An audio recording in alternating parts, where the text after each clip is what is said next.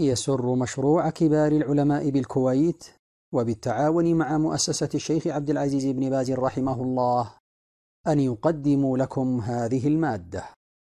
الاختيارات الفقهية في مسائل العبادات والمعاملات من فتاوى سماحة العلامة الإمام عبد العزيز بن عبد الله بن باز رحمه الله. جمعها ورتبها الشيخ خالد بن سعود بن عامر العجمي. كتاب الطهارة. باب سنن الفطرة. قال الإمام العلامة ابن باز رحمه الله استعمال الروائح العطرية المسماة بالكولونيا المشتملة على مادة الكحول لا يجوز. لأنه ثبت لدينا بقول أهل الخبرة من الأطباء أنها مسكرة لما فيها من مادة الإسبريتو المعروفة وبذلك يحرم استعمالها على الرجال والنساء. أما الوضوء فلا ينتقض بها وأما الصلاة ففي صحتها نظر. ومن صلى وهي في ثيابه أو بعض بدنه ناسيا أو جاهلا حكمها أو معتقدا طهارتها فصلاته صحيحة. والأحوط غسل ما أصاب البدن والثياب منها. يجوز للمرأة الطيب إذا كان خروجها إلى مجمع نسائي لا تمر في الطريق على الرجال. الأصل حل العطور والأطياب التي بين الناس إلا ما علم أن به ما يمنع استعماله لكونه مسكرا أو يسكر كثيره. أو به نجاسة ونحو ذلك. الوشم في الجسم حرام لما ثبت عن النبي صلى الله عليه وسلم أنه لعن الواصلة والمستوصلة والواشمة والمستوشمة. وإذا فعله المسلم في حال جهله بالتحريم أو عمل به الوشم في حال صغره فإنه يلزمه إزالته بعد علمه بالتحريم. لكن إذا كان في إزالته مشقة أو مضرة فإنه يكفيه التوبة والاستغفار ولا يضره بقاؤه في جسمه. التجمع رجالا ونساء في يوم معلوم لحضور الختان وإيقاف الولد متكشفا أمامهم هذا حرام. ختان البنات سنة كختان البنين. إذا وجد من يحسن ذلك من الأطباء أو الطبيبات. السنة حلق رأس الطفل الذكر عند تسميته في اليوم السابع فقط.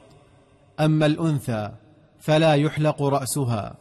لقوله صلى الله عليه وسلم كل غلام مرتهن بعقيقته تذبح عنه يوم سابعه ويحلق ويسمى. خرجه الإمام أحمد وأصحاب السنن الأربع بإسناد حسن. المناكير تركها أولى وتجب إزالتها عند الوضوء لأنها تمنع وصول الماء إلى الظفر. إذا كان الطلاء الموضوع على الأظافر لا جسم له مثل الحناء الذي لا جسم له أو ما شابه ذلك من الدهونات التي لا جسم لها فإنه لا يضر إذا توضأت وذلك عليها. الحمرة والديرم وأشباهه لا يمنع الماء. الكحل كحلان. إن كان له جرم يمنع الماء لا بد من إزالته وقت الوضوء. أما إن كان ليس له جرم فإنه لا يمنع الوضوء. لا أصل لوضع المناكير لمدة خمسة فروض ثم مسحه وليس مثل المسح على الخفين حتى يوضع خمسة فروض. الواجب على النساء والرجال أن يلاحظوا هذا الأمر فلا يترك الظفر ولا الشارب ولا العانة وهي الشعرة ولا الإبط أكثر من أربعين ليلة. لا يجوز أخذ شعر الحاجبين ولا التخفيف منهما لما ثبت عن النبي صلى الله عليه وسلم أنه لعن النامصة والمتنمصة. الشعر الذي ينبت في وجه المرأة إن كان شعرا عاديا فلا يجوز أخذه وإن كان شيئا زائدا يعتبر مثله تشويها للخلقة كالشارب واللحية فلا بأس بأخذه ولا حرج ولا يدخل في النمص المنهي عنه. وصل الشعر لا يجوز ولا فرق بين شعر بني آدم وغيره مما يوصل به الشعر. لا يجوز للمرأة ولا غيرها تغيير الشيب بالصبغ الأسود. أما التغيير بغير السواد فلا بأس. لا يجوز للنساء قص شعرهن لأن الشعر جمال لهن ولأن قصه مثله وقص بعضه قزع. لكن إذا طال جدا وأخذن من أطرافه فلا بأس. لا أعلم مانعا من استعمال البيض أو الحليب أو العسل أو غير ذلك للشعر إذا كان فيه مصلحة. وإذا غسله في الحمام فلا بأس لأنه لا ينتفع به حينئذ. وإذا غسل في محل نظيف من باب الاحتياط فهو حسن. لكن فيما يظهر لنا إذا غسله في الحمام في الغسالات لا بأس لأنه والحال ما ذكر ما يكون له صفة النعمة. ليس للمؤمن أن يتشبه بالنساء لا في الحناء بوضعه على يديه ورجليه ولا في غيره. ولو كان عادة فليس له أن يفعل ما يكون متشبها فيه بالنساء. يحرم اتخاذ الرأس الصناعي الباروكة من وجوه أربعة. أحدها أنه من جملة الأمور التي نهى عنها النبي صلى الله عليه وسلم والأصل في النهي التحريم. الثاني أنه زور وخداع. الثالث أنه تشبه باليهود. وقد قال النبي صلى الله عليه وسلم من تشبه بقوم فهو منهم. الرابع أنه من موجبات العذاب والهلاك. لقوله صلى الله عليه وسلم إنما هلكت بنو إسرائيل لما اتخذ مثل هذه نساؤهم. ويؤيد ما ذكرنا من تحريم اتخاذ هذا الرأس أنه أشد في التلبيس والزور والخداع من وصل الشعر بالشعر. وقد ثبت عن رسول الله صلى الله عليه وسلم في الصحيحين وغيرهما أنه لعن الواصلة والمستوصلة.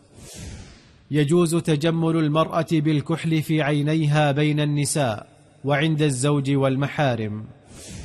الحديث الذي رواه الترمذي عن أبي هريرة رضي الله عنه أن النبي صلى الله عليه وسلم كان يأخذ من لحيته من طولها وعرضها حديث باطل عند أهل العلم لأن في إسناده عمر بن هارون البلخي وهو من المتهمين بالكذب عند أكثر أئمة الحديث ونقاده. اللحية ما نبت على الخدين والذقن هذا هو الصحيح. لا يجوز للمسلم أن يأخذ شعر الخدين بل يجب توفير ذلك مع الذقن. حديث من لم يأخذ من شاربه فليس منا خرجه النسائي في سننه بإسناد صحيح. تربية اللحية وتوفيرها وإرخاؤها فرض لا يجوز تركه لأن الرسول صلى الله عليه وسلم أمر بذلك وأمره على الوجوب. اتخاذ الشنبات ذنب من الذنوب ومعصية من المعاصي وهكذا حلق اللحية وتقصيرها من جملة الذنوب والمعاصي التي تنقص الإيمان وتضعفه ويخشى منها حلول غضب الله ونقمته. يجوز لولي الأمر أن يعاقب من خالف الأوامر والنواهي بما يراه من العقوبات الرادعة فيما دون عقوبات الحدود ردعا للناس عن ارتكاب محارم الله والتعدي على حدوده. أوصيك بترك الكلية المذكورة والانتقال إلى غيرها إذا أجبرت على حلق لحيتك وسوف يجعل الله لك فرجا ومخرجا. قول بعض الوعاظ إن حالق لحيته مخنث.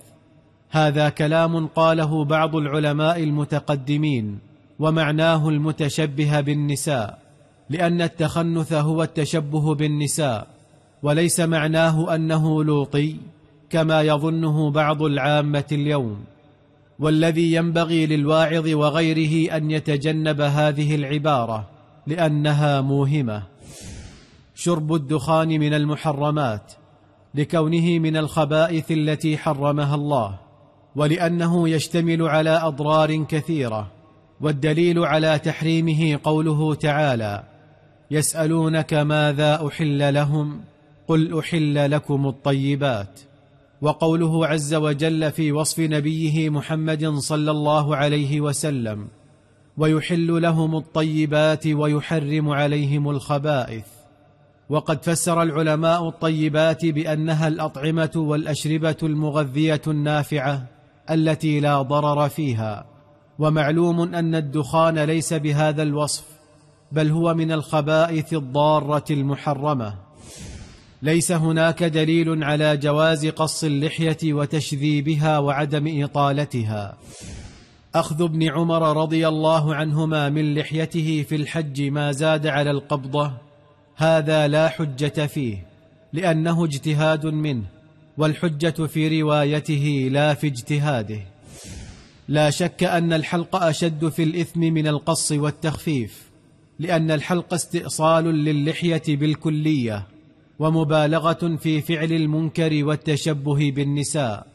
أما القص والتخفيف فلا شك أن ذلك منكر ومخالف للأحاديث الصحيحة. ولكنه دون الحلق. فائدة الهداية والسلامة والنجاح في اتباعه صلى الله عليه وسلم وطاعة أوامره وترك نواهيه.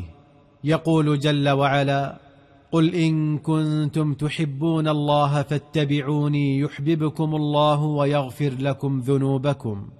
فمن كان يحب الله ويحب رسوله صلى الله عليه وسلم فعليه أن يتبع هذا الرسول العظيم فاتباعه والتمسك بما جاء به هو السبيل الوحيد لمحبة الله عز وجل كما أنه السبيل للمغفرة ودخول الجنة والنجاة من النار.